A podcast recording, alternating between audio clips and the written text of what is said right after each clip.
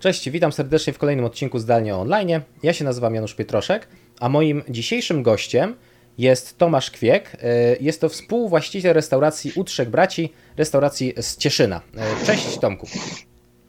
E, witaj Januszu, witam wszystkich Państwa. Powiedz proszę, jakby czym się charakteryzuje Wasza restauracja, jakie dania podajecie, gdzie się znajdujecie. Kilka słów o, o Twoim biznesie.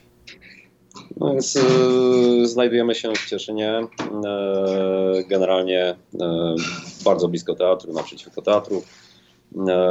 Nasza restauracja serwuje głównie dania kuchni włoskiej, ostatnio, czyli pizzę, załóżmy, makarony, risotta, tego typu rzeczy. Natomiast ostatnio serwujemy również steki i zaczynamy, zaczynamy dość dużo tych steków po prostu aktualnie sprzedawać, więc to jest coś w tym rodzaju. A powiedz, bo jesteś e, restauratorem, wiemy jak wygląda teraz sytuacja branży gastronomicznej, a właściwie może nie wszyscy wiemy, więc o tym będziemy dzisiaj rozmawiać.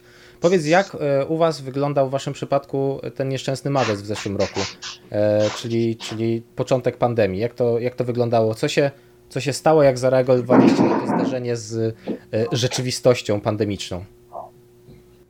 E, jeżeli chodzi o marzec w zeszłym roku, w zasadzie to już mm, e, problem zaczął się znacznie wcześniej. Problem zaczął się mniej więcej w połowie lutego. Już od połowy lutego nie mieliśmy mm, e, praktycznie żadnej gości w restauracji. Restauracja świeciła pustkami, ponieważ informacje, informacje w mediach na początku pandemii były takie, a nie inne.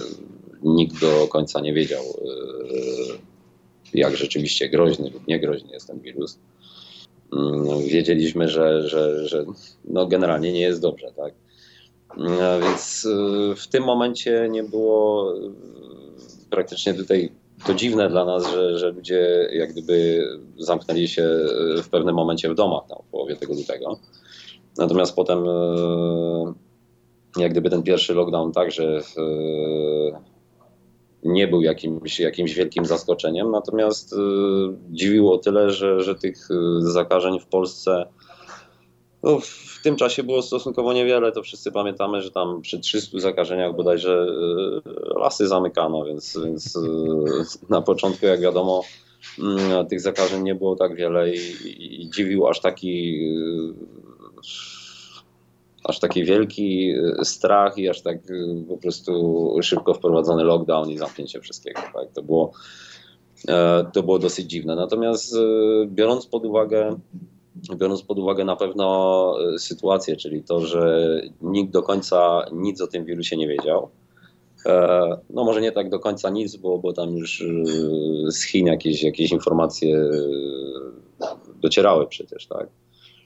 E, no to mimo wszystko e, można usprawiedliwić tę decyzję o lockdownie tym, że, że no nasi rządzący nie mieli, nie mieli pełnej wiedzy o tym, e, co nas czeka i, i jak bardzo niebezpieczny ewentualnie jest ten wirus. Dla nas to był, to był oczywiście wielki cios, bo, no bo jak mówię, no, są po prostu pewne koszty, które, które my ponosimy, czy, czy my działamy, czy my nie działamy. No, proszę sobie wyobrazić, że lodówki, zamrażarki, takie rzeczy, e, to przecież pracuje non stop, tak? Jeżeli to się wyłączy, no jedzenie się zepsuje, więc e, jakieś straty tak czy inaczej człowiek ponosi. Mm, ja już tam pomijam kwestię, że lockdown za każdym razem u nas w Polsce był wprowadzany gdzieś tam w piątek po południu, jak, jak człowiek miał zrobione zapasy na cały weekend po prostu, jak chodzi o jedzenie w restauracjach, tak, tak generalnie to się zazwyczaj odbywa. E, no, także to, to już tutaj nie, nie, może nie będziemy wchodzić w szczegóły, natomiast e, no, trzeba sobie uświadomić, że, że koszty tak czy inaczej przedsiębiorca ponosi, czy, czy chce, czy nie chce, po prostu pracownicy mają umowę o pracę i tutaj nikt sobie nawet nie wyobraża, żeby oni nie dostali swojego wynagrodzenia. Mm, lokal się od kogoś wynajmuje, więc, więc jakiś czynsz się za ten lokal też płaci. Tutaj też wielkiego wyjścia nie ma. E, co prawda niektóre, niektóre miasta, na przykład większość miast prawdopodobnie obniżała jakoś, jakoś czynsze, jeżeli to były lokale e, miejskie, natomiast jeżeli to są lokale prywatne, no to, to tutaj sytuacja wygląda e, różnie w zależności od, od lokalu, od właściciela, od, od najemcy i tak dalej. Mm, ale mimo wszystko te koszty gdzieś tam jakieś są. Tak? Dodatkowo to są koszty, które trzeba płacić już, natomiast większość tych kosztów, tak, bo choćby energia elektryczna, no jeżeli, jeżeli nie zapłacimy przez jakiś tam krótki czas, ta energia zostanie odcięta. W tym momencie, e, jeżeli ktoś ma na przykład ogrzewanie gazowe, w tym momencie ono też przestaje działać, ponieważ jak wiadomo, dzisiaj piece mm, e, wymagają energii elektrycznej do tego, żeby, żeby po prostu mm, działały, mimo że są zasilane gazem. Więc to jest, to jest kolejna gdzieś tam kwestia. Ja zresztą też niedawno rozmawiałem z panią, która, która też była w podobnej sytuacji. No i z tej rozmowy jasno wynikało, że ona ma 3000 metrów kwadratowych do ogrzania i, i była na skraju po prostu bankructwa, rachunki niezapłacone, termin do odłączenia już gdzieś tam e, biegnie.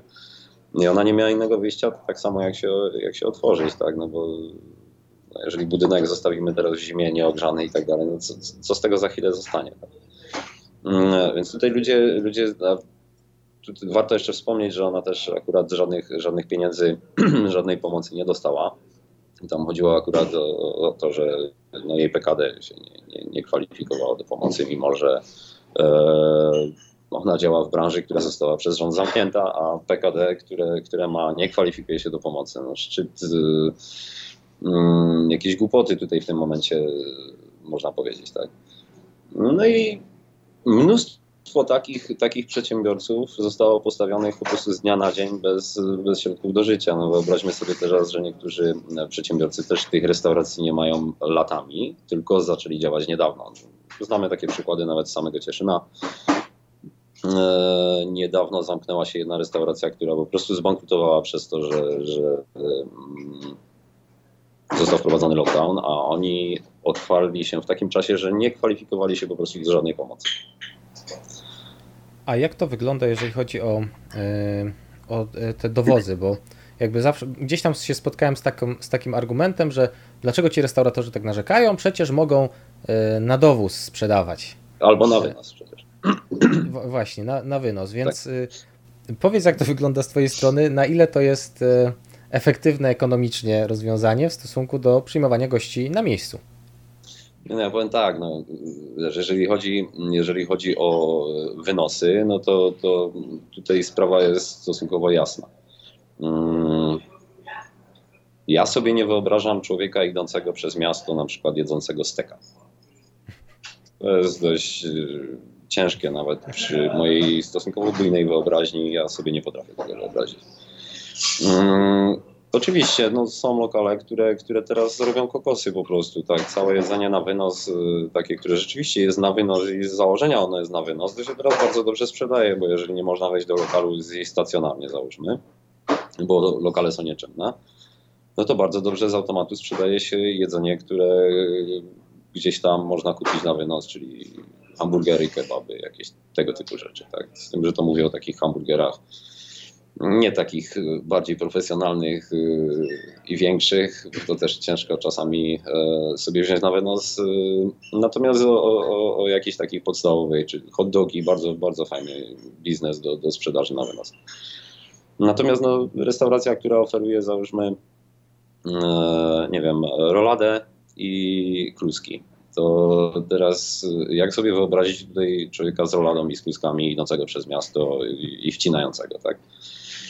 Dla mnie to jest, to jest mega trudne, wręcz, wręcz niewykonalne. No, ja pomijam oczywiście już kwestię mm, walorów smakowych tego jedzenia, które, które tam gdzieś e, jest dowożone do, z restauracji do, do, do kogoś, czy, czy, czy po prostu brane na wynos. Tak? No, pomijając już nawet fakt, że, że to jedzenie zazwyczaj w opakowaniach się zaparza, więc sam klient prawdopodobnie nie będzie zbyt zadowolony z tego jedzenia no to na to są restauracje jednak, żeby, żeby jeść na miejscu, tak mi się wydaje. No i, i generalnie w tym momencie, e,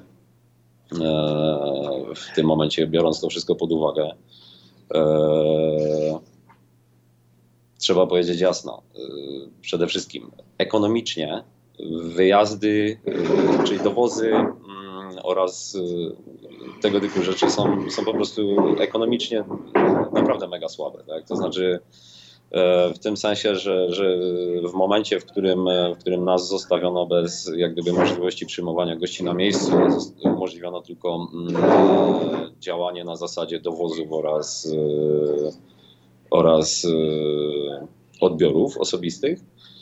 No, w tym momencie myśmy stracili około 90% e, obrotów praktycznie nawet. E, więc no, te przychody spadły no, katastrofalnie. Tak? Tutaj, tego, się nie da, tego się nie da po prostu odpisać. Tak? No, 90%. Tak? Jeżeli, jeżeli załóżmy restauracja, e, mała restauracyjka gdzieś tam sobie robi, nie wiem, 100-150 tysięcy obrotów, e, obrotu miesięcznie, no to ze 100 tysięcy, jeżeli coś spadnie o 90%, to ta restauracja w tym momencie ma 10 tysięcy obrotu brutto. E, zakładając, że to są wynosy, tak, to trzeba w tym momencie przyjąć, e, że to idzie wszystko na wacie 8%. E, no bo generalnie, chyba że napoje jakieś tam idą w wywozach, więc to jest 23%. Natomiast generalnie jedzenie, jedzenie jest na 8% wacie, czyli z tych, z tych 10 tysięcy obrotu które zostaje na miesiąc temu, temu przedsiębiorcy, trzeba odliczyć VAT, który trzeba zapłacić e, urzędowi skarbowemu. Tak? Mm, no i teraz oczywiście z tych 10 tysięcy trzeba zapłacić wszystko pozostałe, czyli czynsz, e, energię elektryczną, gaz, ogrzewanie. Tak. Kiedy jakby nastąpił taki moment przełomowy, bo wy byliście jedną z pierwszych restauracji, jeśli nie pierwszą, nie jestem pewien, która pierwszą, się otworzyła, no. pierwszą, która się otworzyła w e, Polsce w ramach, e, że tak powiem, ogólnopolskiego buntu. Znaczy w zasadzie to myśmy nawet się nie otwierali w ramach ogólnopolskiego buntu tak naprawdę, bo myśmy mm, na początku nie mieli jak gdyby ani z akcją otwieramy nic wspólnego, ani z tymi rzeczami nic totalnie wspólnego. Myśmy podjęli własną decyzję, że się otwieramy. Ogłosiliśmy to na, na, na Facebooku i w momencie jak, jak przyjechała do nas policja, to zrobiło się dosyć medialnie, powiedzmy, i, i dlatego e, później e, sporo innych restauracji się otwarło, bo widziało, że, że, że no jednak ktoś się otworzył, to jakoś ruszyło. Otworzyliście po prostu restaurację, e, no bo, no bo już stwierdziliście, że już dłużej, dłużej tak nie można. Trzeba, trzeba podjąć jakieś kroki. Jak to wyglądało? Otworzyliście i co? Jaka była reakcja klientów? Jaka była reakcja różnych służb, które Was raczyły odwiedzić? Znaczy myśmy otworzyli restaurację, bo e, prawda jest taka, że ja już to mówiłem zresztą e, gdzieś kiedyś, że gdybyśmy byli spółką ZOO, e, to jako zarząd spółki już musielibyśmy z, złożyć po prostu papiery e, do sądu o upadłość tej spółki. E, w momencie, jeżeli to jest działalność gospodarcza, czyli tu człowiek odpowiada całym majątkiem swoim za podejmowane decyzje w firmie, my nie musimy takiego wniosku składać, bo tutaj nas prawo nie obliguje do tego, żeby, żeby złożyć wniosek o upadłość. Natomiast na zdrowy chłopski rozum, mm, e, jeżeli taka firma bankrutuje, to tutaj właściciel odpowiada całym swoim majątkiem, czyli, czyli przez długie lata, e, czasem do końca życia po prostu za, za, za te długi e, odpowiada. Trochę jakby byliście bez wyjścia. Tak, myśmy byli, myśmy byli kompletnie bez wyjścia. No to, to jest, ja to mogę wiesz, porównać do sytuacji, mm, że na przykład y, nasz rząd uchwala takie prawo, że zakazuje ci jeść. Mhm. No to jak długo nie będziesz jadł? Rozumiesz, to jest. Y, tu chodzi o to, że, że to jest idiotyczne prawo, tak? W tym momencie, bo wiadomo, że no, możesz nie jeść tam dwa tygodnie, może miesiąc, tak? Potem albo zaczniesz jeść, albo umrzesz, tak? No to jeżeli ktoś ci każe umrzeć y, z powodu swojego wymysłu, no to ja niekoniecznie jestem za tym, żeby jednak... To powiedz, jak wyglądał ten, ten pierwszy dzień otwarcia? Jaka była reakcja właśnie klientów? E, no i y, po jakim czasie pojawiły się te różne służby, które wiem, że, że was licznie odwiedziły? E, znaczy to wyglądało tak, myśmy mm, kilka dni przed otwarciem e, zamknęli totalnie restaurację na trzy dni. Trzy dni żeśmy tu przeprowadzali jeszcze jakieś takie delikatne poprawki w restauracji, w sensie takim kosmetycznym, jakimś odświeżenia pewnych rzeczy i tak dalej.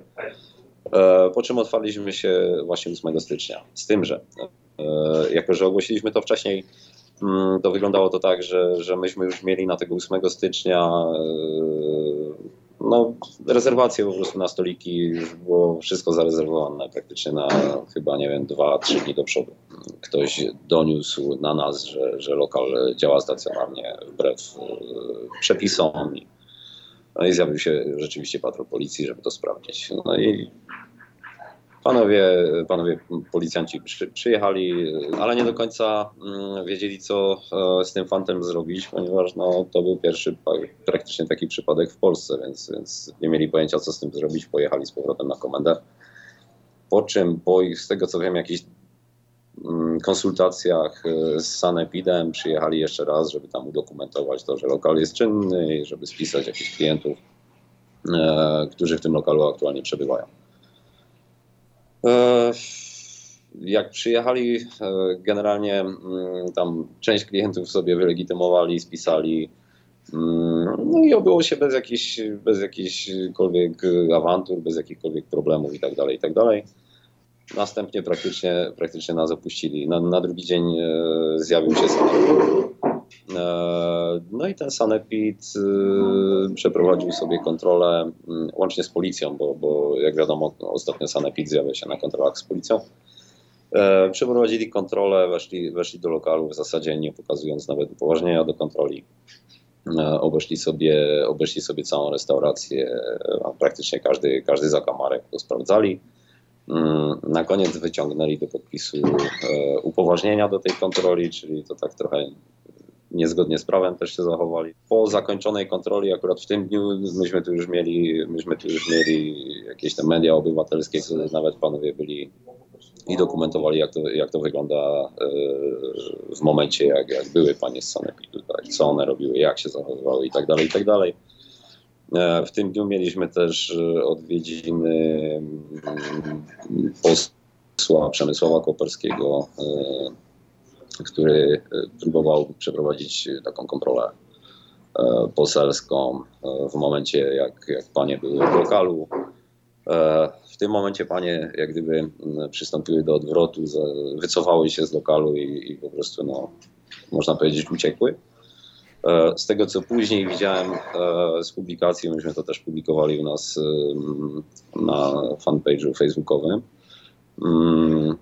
ponieważ pan Koperski składał, e, składał zapytanie do Sanepidu w tej sprawie, dlaczego tutaj panie się nie wylegitymowały i tak dalej przed nim. E, no ta odpowiedź, która, która tam gdzieś z Sanepidu do niego dotarła, e, no, była co najmniej śmieszna po prostu. Samo to, że, że, że gdzieś tam w tej odpowiedzi jest sformułowanie, ponieważ tam było zadane pytanie wcześniej przez pana posła, na jakiej podstawie myśmy byli kontrolowani, no to, to, to po prostu Sanepid stwierdził, że to było, że kontrola była mm, zrobiona na bodajże podstawie ustawy o sanepidzie tam z 85 roku czy z któregoś. E, e, nie podając, nie podając generalnie żadnego paragrafu, żadnego punktu w tej ustawie, totalnie nic. No, sama ta odpowiedź, y, którą, którą jak gdyby udzielił Sanepid y, posłowi na, na, na, na to pytanie, no ja nie wiem nawet jak to skomentować. To dla mnie jest po prostu coś niesamowitego, jak, jak można w ogóle nie odpowiadać w, tym momencie na, na, na, te pytania. No ale to już jak gdyby pomijam. E, ale to był, to był, ten pierwszy dzień, tak? To wszystko się wydarzyło w ten jeden dzień? Nie, to generalnie kontrola sanepidu była w drugi dzień. Myśmy mieli hmm. najpierw policję w jeden dzień, tak, potem, tak, potem tak, potem była kontrola sanepidu, no i potem generalnie nastąpił święty spokój. To znaczy z tym, że tam po tych dwóch dniach takiego oblężenia tutaj najpierw przez policję, potem przez sanepid i policję i tak dalej, mm, myśmy mieli totalny spokój od tego dnia. To znaczy wszystko jak ręką odjął. Tak? Co prawda były wizyty policji, które mm, takie sprawdzające, powiedzmy, że tam e, policjant wchodził, e, witał się i, i sprawdzał, czy ludzie siedzą w restauracji, czy, czy spożywają posiłki. No. I wychodził, ewentualnie liczył tych ludzi po prostu i meldował e, e, nie wiem, na, na komisariat, że, że siedzą ludzie, jedzą i, i jest na przykład, nie wiem. E, I przypuszczamy, bo, bo z tego co wiemy, to, to prokuratura tam próbuje Mm, robić coś y, w związku z artykułem 165, który to też sądzimy, że to jest y, no, gruba niedorzeczność, żeby, żeby próbować z tego artykułu stawiać komukolwiek jakiekolwiek zarzuty, bo generalnie mm, żeby z tego artykułu postawić zarzuty, to, to, to niebezpieczeństwo, y, które, o które ktoś nas oskarża, musiałoby być realne, a nie urojone i wyimaginowane na podstawie, nie wiem, czego tak naprawdę. A czego, czego dotyczy ten artykuł? To jest zagrożenie e, życia i zdrowia tam w czasie epidemii, coś takiego. E, no i wiem, że usiłuje się tam zbierać materiały jakieś e, na nas w związku z, z tym. Prawdopodobnie to jest kolejny jakiś tam kolejne represje tak, po, po, po, tej karze administracyjnej, którą, którą ostatnio otrzymaliśmy i, po wszystkim to, to, to jest próba jakiegoś tam kolejnego represjonowania nas E, za to, że nie jesteśmy posłuszni e, konferencjom prasowym i nie słuchamy, co się mówi na konferencjach prasowych, a czytamy obowiązujące przepisy prawne. Tak by można było to chyba skwitować. To powiedz, jak Twoim zdaniem, jakby co, co nas czeka w przyszłości? Bo takich e, restauratorów jak Ty jest w Polsce bardzo wielu. Wiele osób jest już takich, no też się pootwierały kolejne lokale i tak dalej tych e, represji różnych będzie, będzie pewnie sporo, ale w pewnym momencie to się musi skończyć. Pandemia się w końcu skończy. E, no i e, jakby rząd i, i, i, i wszyscy zostaną w takiej sytuacji, ok, no to czy to było legalne, to co my robiliśmy, my jako rząd i te różne służby, na jakiej podstawie, no i, no i co nas teraz czeka, czyli czy nie będzie jakichś zbiorowych pozwów przedsiębiorców, i tak dalej. Jakie jest Twoje zdanie? Jak myślisz, jak to będzie wyglądało? Czy co nas czeka? Ja myślę, że przede wszystkim pandemia się jakoś zbyt szybko nie skończy, choćby z tego powodu, że e, niektórzy ludzie za dobrze zarabiają na, na, na, pandemii aktualnie, żeby, żeby ona się miała jakikolwiek powód kończyć tak naprawdę. Nie, nie trudno sobie wyobrazić, że jak e, jedna strona traci, to ktoś inny musi zyskiwać, tak? No bo to, jak ktoś coś traci, to to, się, to nie przepada w próżni przecież, to, to, to zmienia po prostu właściciela generalnie. Mm, więc jedni coś tracą, inni coś zyskują, tak zawsze po prostu. Natomiast y, na pewno dość duże pieniądze tak naprawdę stoją, stoją za tym wszystkim i myślę, że wielu osobom nawet nie zależy na tym, żeby ta pandemia kiedykolwiek dobiegła końca. No, proszę sobie wyobrazić, że wiem, mamy szpitale jakieś tam tymczasowe, gdzie koszt wybudowania szpitala mm, tymczasowego bodajże we Wrocławiu to było około ponad 70 milionów złotych.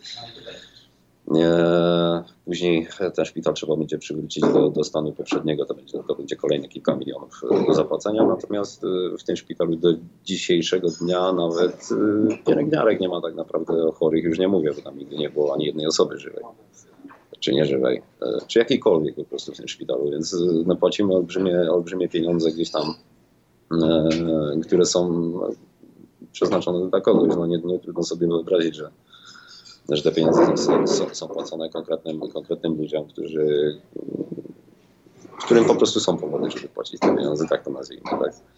E, sama kwota za sprzątanie, za sprzątanie Szpitala Narodowego w Warszawie jest po prostu niedorzecznością. Tak? To jest coś, co przerasta jakieś moje pojęcie. Tak naprawdę, jeżeli ktoś mi zapłacił milion dwieście tysięcy złotych miesięcznie, sam, sam pójdę po prostu sprzątać e, ten szpital. Tak? Nie ma najmniejszego problemu. E, no, to jest jasne, że komuś bardzo zależy, zależy na tym, żeby, żeby ta pandemia trwała jak najdłużej przecież. To powiedz jeszcze tak na koniec y, to, co wspominałeś na początku, gdzie w Cieszynie się jesteście ulokowani, w którym miejscu koło teatru i, e, i nie wiem, możesz zaprosić, zaprosić gości do, do odwiedzenia waszego lokalu. No ja na, na, na pewno bardzo chętnie zapraszam, zapraszam wszystkich nasz lokal odwiedzali. Znajdujemy się przy samym teatrze mm, na ulicy Fredry 11 w Cieszynie. To jest, to jest od ulicy Głębokiej, która jest taką, takim głównym deptakiem, no teraz rozkopanym akurat. E, to jest dosłownie kilka metrów. E, plac teatralny, także bardzo łatwo znaleźć. Także serdecznie zapraszam. Super. Bardzo Ci dziękuję za rozmowę. Linki do Waszych social mediów oczywiście dodam też do e, opisu odcinka. No i co? I życzę powodzenia. Mam nadzieję, że y, może jeszcze pandemia się nie skończy, ale może chociaż te restrykcje się skończą w miarę szybko. E, No i, no i co? No i powodzenia. No, wiele firm jest w trudnej sytuacji. E, Trzeba sobie Coraz, radzić. coraz więcej tych, tych firm także, także się już otwiera, także, także ja myślę, że będzie dobrze jednak. Będzie dobrze. I z tą myślą e, myślę możemy zakończyć, zakończyć ten odcinek. Bardzo Ci dziękuję za rozmowę. Dzięki wielkie. Do zobaczenia. A my widzimy się jak co tydzień w środę o 10. Do zobaczenia.